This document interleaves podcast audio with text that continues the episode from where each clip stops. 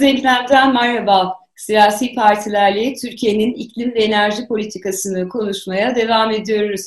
Bu haftaki konuklarımızdan bir tanesi Türkiye İşçi Partisi. İşçi Partisi adına partinin bu konudaki görüşlerini Bilim Kurulu üyesi Sayın İlke Bereketli bizimle paylaşacak. Hocam yayınımıza hoş geldiniz. Hoş bulduk.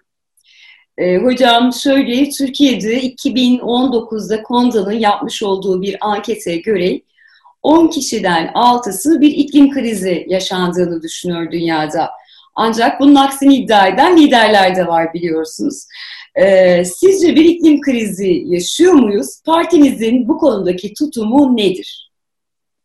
Şimdi artık iklim krizi bir gerçeklik. Yani bunun üzerine artık tartışılmaması bile gerektiğini düşünüyoruz. Biz bilimsel veriler tamamen bunun e, bir gerçek olduğunu bize gösteriyor. Açıkçası artık yaşadığımız olaylardan da bu sıklaşan aşırı hava olaylarıyla ortalama sıcaklığın arttığını gün be gün gözlemlediğimiz sürece biz bunun artık bir gerçek olduğunu biliyoruz, saptıyoruz.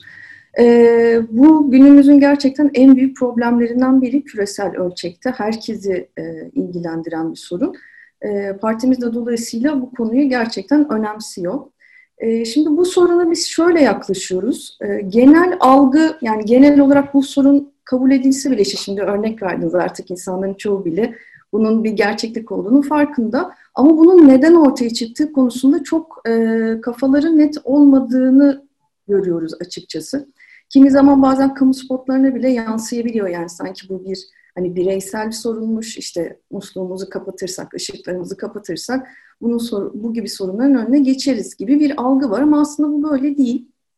Ee, bilimsel veriler de gösteriyor ki bizim bu iklim krizi olarak e, adlandırdığımız durumun başlangıcı aslında sanayi devriminden sonrasına dayanıyor ve kapitalist etkinliklerin, kapitalist sanayi faaliyetlerinin sonucunda hızla artan üretim, aşırı üretime dayalı enerji kaynaklarının özellikle fosil yakıta dayalı enerji kaynaklarının kullanılmasıyla karbon salımının artması ve buna bağlı olarak bir iklim kriziyle karşı karşıyayız. Yani böyle bir insan faaliyeti sonucu diye genelleştiriliyor ama hayır aslında adlı adınca bunu ortaya koymak lazım. Bu sınıfsal bir mesele. E, kapitalistlerin, sermayedarların kendi çıkarı uğruna ne yazık ki dünyanın tüm kaynaklarını tüketmesi, e, fosil yakıtları aşırı kullanması sonucu karşıya karşıya kaldığımız bir sorun. Dolayısıyla biz bu perspektiften bakıyoruz bu soruna, sınıfsal bir açıdan bakıyoruz ve bu sermaye ilişkilerinin değişmediği sürece de soruna kökten bir çözüm bulamayacağımızı düşünüyoruz. Elbette bugünden yapabileceğimiz şeyler var, atabileceğimiz adımlar var. Hani bunları yok saymak anlamında söylemiyoruz ama sorunun kökü eğer bugünkü üretim biçimlerindeyse bunları kökten değiştirmek bizim öncelikli politikamız. Evet, teşekkür ederim hocam e, benzer bir biçimde iklim krizi olduğunu düşünen liderler, uluslararası örgütler Birleşmiş Milletler çatısı altında 2015'te Paris'te bir araya geldi ve Paris İklim Anlaşması olarak bilinen metin ortaya çıktı. 197 devlet bu metne imza koydu. Bunlardan bir tanesi de Türkiye. Ancak Türkiye anlaşmaya taraf olmakla beraber, daha doğrusu imzalamış olmakla beraber anlaşmayı parlamentosuna getirmedi. Sizce Türkiye neden anlaşmayı parlamentoya getirmiyor? Şimdi şöyle, e, Paris İklim Anlaşması'ndan başlayalım aslında isterseniz. E, şimdi bu tür anlaşmalar daha önce de biliyorsunuz bir Kyoto Sözleşmesi vardı. Hani Paris'in öncülü diyebileceğimiz yine uluslararası ölçekte bir anlaşmaydı o da.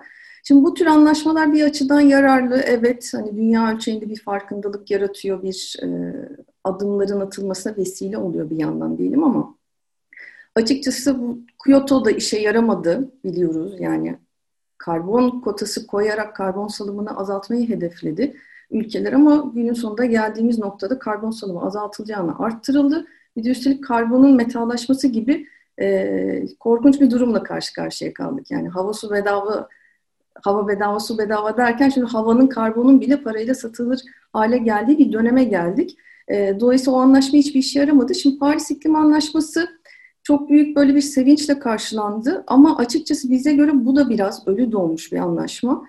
Çünkü getirdiği şey nedir? Herhangi bir yaptırımı yok ülkelere, hukuki bir bağlayıcılığı yok ne yazık ki. Sadece bir niyet beyanına göre yani ülkeler kendileri arzuladıkları, niyet ettikleri ölçüde karbon salımı yapacaklar. Bir tür taahhüt veriliyor. Ama bu taahhütler uyulmazsa ne olacak? Bu taahhütler gerçekçi mi değil mi? Oralara hep soru işareti. Umarız tabii ki başarıya ulaşır ama bu açıdan zaten soru işaretleri olan bir anlaşma. Şimdi Türkiye'nin neden imzalamadığına gelirsek e, orada ikili bir yön var aslında. Şimdi bu Paris İklim Anlaşması bir gelişmiş ülkeler tanımlıyor, bir de gelişmekte olan ülkeler. Gelişmiş olan ülkelere daha fazla sorumluluk veriyor. Yani e, bugünkü iklim krizinde elbette gelişmiş ülkelerin sanayi faaliyetlerinin payı daha fazla. Dolayısıyla bugün hani bir tür kirleten öder mantığıyla e, finansal sorumlulukları da almalı deniyor. Gelişmekte olan ülkelere ise bu finansal yardımları alması konusunda destekte bulunuyor. Şimdi Türkiye e, bu anlaşmada gelişmiş ülke olarak tanımlandı. Dolayısıyla Türkiye'nin de bazı sorumluluklar üstlenmesi gereken yani hem karbon salımını azaltma taahhütü ayrıca bu finansal desteği sağlama. Ama şu an tabii ki iktidar böyle bir sorumluluğun altına girmek istemiyor. Türkiye'yi gelişmekte olan bir ülke olarak tanımlatmak istiyor iklim e, anlaşması çerçevesinde ki gelişmiş ülkelerden finansal destek alınabilsin. İşin bir yanı bu. Bir diğer yanı da aslında biraz iç politikayla da ilgili diyebiliriz. Şimdi Türkiye'nin enerji politikaları daha çok işte kömür üzerine vesaire yani bunları biliyoruz belki konuşuruz bunları da. Şimdi bu tür projeler işte termik santraller bunlar ciddi rantlar elbette e, Türkiye'de. E, genelde yandaş işte firmalar dediğimiz e, firmalara devrediliyor. Şimdi içeride bu anlamda büyük ciddi büyük bir pazar var. Böyle bir anlaşmayı imzalamak demek buralardan ödün vermek anlamına gelecek belki. O pazar dağılacak, e, rant azalacak.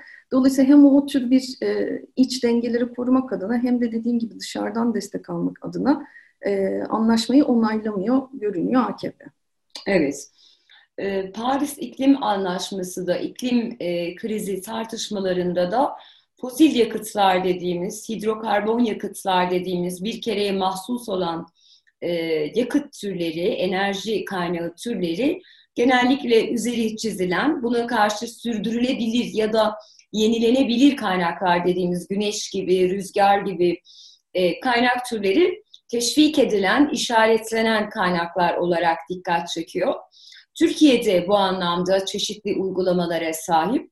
Ancak ilginç bir biçimde e, yenilenebilir olarak kategorize edebilecek barajlar, örneğin HES'ler inşa edildiğinde biz bazı e, tarihi kentlerin sular altında kaldığını görüyoruz. Toplumun bu anlamda protestolarla e, sokağa çıktığını görüyoruz. Sizce bunları da dikkate alarak Türkiye'nin yenilenebilir enerji politikalarını başarılı bulmalı mıyız? Siz başarılı buluyor musunuz? Biz açıkçası çok başarılı bulmuyoruz yenilenebilir enerji politikalarını Türkiye'de. Şimdi elbette bu yöne doğru kesinlikle ilerlenmesi gerekiyor. Zaten iklim krizi az önce de konuştuk sizin de söylediğiniz gibi esas olarak fosil yakıtlara dayalı ee, ve Türkiye'nin de şu an enerji politikası esas olarak fosil yakıtlara dayalı, çoğunlukla da kömüre dayalı. Elbette bizim bunlardan uzaklaşmamız, yenilenebilir enerji kaynaklarına doğru evrilmemiz, ilerlememiz gerekiyor ki bu açıdan aslında çok da şanslı bir ülkeyiz. Yani işte üç tarafı denizlerle çevrili, denizden, sudan yararlanabiliriz, rüzgar potansiyelimiz yüksek, güneş potansiyeli zaten çok yüksek coğrafi olarak. Yani bu açıdan e, çok avantajlıyken şu an yenilenebilir enerji kaynakları e, rüzgar yüzde sekiz kadar kullanılıyor. İşte güneş enerjisi yüzde altı, altı buçuğa çıktı bu yıl bazı teşvikler sonucunda. Bunlar aslında daha hala çok yetersiz. Dünya ortalamasının bile altında. E, ki bu kadar olanaklarımız olduğu halde, avantajlı bir ülke olduğumuz halde. Dolayısıyla şu anki teşvikler yeterli değil, politikalar yeterli değil. Daha fazla sizin de söylediğiniz gibi şimdi HES'ler, JES'ler işte yapılıyor. Bu tür santrallere evriliniyor. Şimdi bunlar teorik olarak evet yenilenebilir temiz üretim kaynakları diyebiliriz. Ama Türkiye'de e, gerçekten bunlar çok sorunlu bir biçimde e, yürütülüyor. Burada en büyük sorun aslında bu işin özele bırakılmış olması, özelleştirme üzerinden bu enerji kaynaklarının yürütülüyor olması. Şirketlerin tek hedefi kar etmek olduğu için o santralleri kurarken ne oradaki doğanın dengesine dikkat ediliyor, ne canlılığa, ne habitata, ne oradaki yaşayan halkın, e, toplumun e, çıkarı gözetiliyor, onların sağlığı gözetiliyor. Sadece işte maksimum karla ne elde edersek, elde edersek politikasıyla oralara gidiliyor. İşte hidroelektrik santraller vesaire e, inşa ediliyor, dereler kuruluyor. Bunlar üzerine birçok mücadele var zaten. Hepimiz yakından tanık oluyoruz. Yani burada kesinlikle tabii ki teşvik edilmesi gerekiyor. Yenilenebilir enerji kaynaklarına dönmemiz gerekiyor ama şu anda Türkiye'deki mevcut durum oldukça sorunlu. Bunlar ancak kamucu bir politikayla, merkezi planlamayla özellerin, sermayenin elinden alınarak yürütülebilecek e, şeyler. Biz böyle yaklaşıyoruz. Bu. Anladım. Teşekkür ediyorum. Yenilenebilir enerji politikasından isterseniz merceği başka bir noktaya tutalım. Daha önce de altına çizdiğimiz gibi Türkiye 2015'te Paris İklim Anlaşması'nı imzalamıştı. Ancak 2016 yılında Enerji Bakanlığı öncülüğünde Milli Enerji e, Strateji Belgesi yayınlandı ve burada doğal gaza olan yani dışarıdan ithal edilen ürüne e, girdiye karşı milli olarak, yerli üretim olarak ciddi anlamda kömür teşvikleri hem üretim hem de termik santraller ayağına verildi. Bunları dikkate aldıktan sonra gördük ki Türkiye'de e, elektrik üretiminde termik santrallerin rolü gün be gün artmaya başladı. Ancak bunun da sonuçları var. İklimi de dikkate aldığımızda Türkiye bu kömür politikasını nasıl yönetmeli? Bu kömürü ne yapmalıyız biz? Vallahi ne yapmalıyız? Bir an önce vazgeçmeliyiz aslında. Yani hani en kısa, en özet yanıtı bu olmalı herhalde. Şu an e, çok ciddi ölçüde enerji politikası kömüre dayalı. Sizin dediğiniz gibi teşvikler de arttırılıyor. Üstelik azaltılacağını bu olana daha fazla teşvik sunuluyor. Şimdi burada yine birkaç yönlü aslında sorun var. Ee, bir yandan çevreci sorunları söyledik aslında. Fosil yakıt olduğu için kömür hele üstelik aslında fosil yakıtlar arasında en fazla karbon salımına neden olan e, kaynaklardan bir tanesi. E, şu an mevcut atmosferde bulunan karbonun yarısı sadece kömürden kaynaklanıyor tek başına. Şimdi bu açıdan zaten artık bu tür kömürlü termik santrallerin kapatılması gerek, bunları sonlandırmamız gerek. Bunun dışında zaten çalışma ortamı açısından yine termik santrallerin etrafında yaşayan halk sağlığı açısından çok ciddi bir hava kirliliği yarattığı için sorunlu. Bu tür bölgelerde kanser vakalarının arttığını biliyoruz. Çalışanlar, işçilerin sağlığı açısından yine çok tehlikeli. Her yıl 3000'e yakın erken ölüm gerçekleşiyor sadece bu kömürlü termik santrallerin e, ya orada çalışanlar ya çevresinde yaşayan e, insanların karşı karşıya kaldığı böyle e, rakamları görüyoruz, duyuyoruz. Bir de kömür şu açıdan savunuluyor e, işte bizim kömür kaynaklarımız var, e, madenlerimiz var, dışa bağımlılığı azaltır diye. Aslında bu da çok gerçekçi değil. E, biz kömürün önemli bir kısmını hala aslında ithal ediyoruz. Onları işleyerek kullanıyoruz. Yani e, tümüyle yerel, yerli bir kaynak da değil aslında. Böyle bir tutarsızlık da var. Bir göz boyama olduğunu da söyleyebiliriz. Ayrıca mevcut, mevcut kömürün kalitesi, verimi de çok yüksek değil. Yani buralara bu kadar teşvik verileceğine, bu kadar zarar getiren bir e, fosil yakıt türüne teşvik verileceğini biraz önceki soruyla da bağlayalım. Bu yatırımlarımızı biz yenilenebilir enerji kaynaklarına yapabiliriz. Böyle bir politika değişikliğine gidilmesi şart. Anlıyorum. Teşekkür ederim hocam. Ee, bu bölümün son sorusuna geldik. Ee, sizinle genel olarak termikleri de konuştuk, iklimi de konuştuk. Konuştuklarımızı da dikkate alarak Türkiye'nin enerji politikası ve uygulamalarına 10 üstünden puan verseniz kaç puan verirsiniz? Neden? Valla bir puan veririz. O da sembolik olarak. yani sıfırcı hoca Eyvah hocanın notu kırmış diyelim. Yani ama bu kadar çabaya ancak bu puan yani gerçekten e, başarısız bir enerji politikası var şu an iktidarın e, iyi yönde gitmiyor. Bir de üstelik yani şu yönü de var. Şimdi biz çevre vesaire bunlardan konuştuk ama Türkiye'de bir enerji yoksunları problemi de var açıkçası. Yani bu kadar kaynak özelleştirme, çevreye zarar veriyor, doğaya zarar veriyor söylüyoruz. Bir de üstelik çok yüksek bedellerle halka sunuluyor. Ee, insanlar işte faturalarını ödeyemez duruma geliyor. Önemli dediğimiz gibi böyle bir enerji yoksunluğu sorunu da var Türkiye'de. Bu açıdan da hiç yönetemiyor iktidar bu konuyu. Dolayısıyla sembolik olarak bir veriyoruz. Onun tamam hocam. Sizin kanaatinizdir. Yok. Hocanın notuna saygı duyalım. Belki onlar der hoca bize taktı diye. Ama siz nedenlerini izah ettiniz. Şimdi e, ikinci bölüme geçiyoruz. Türkiye İşçi Partisi iktidar olursa diyeceğim ve e, bazı kelimeler vereceğim. Sizden o kelimeleri mümkünse bir, mümkün değilse bir buçuk dakika içerisinde birer cümle olarak tamamlamanızı rica ediyorum. Tip olarak, Türkiye İşçi Partisi olarak biz iktidar olursak Paris İklim Anlaşması. Onaylanır ama daha iyisi için de mücadele etmeye devam ederiz. Türkiye İşçi Partisi olarak iktidar olursak nükleer enerji Akkuyu Nükleer Projesi hemen durdurulur. Türkiye İşçi Partisi olarak iktidar olursak doğalgaz rezervleri ve politikası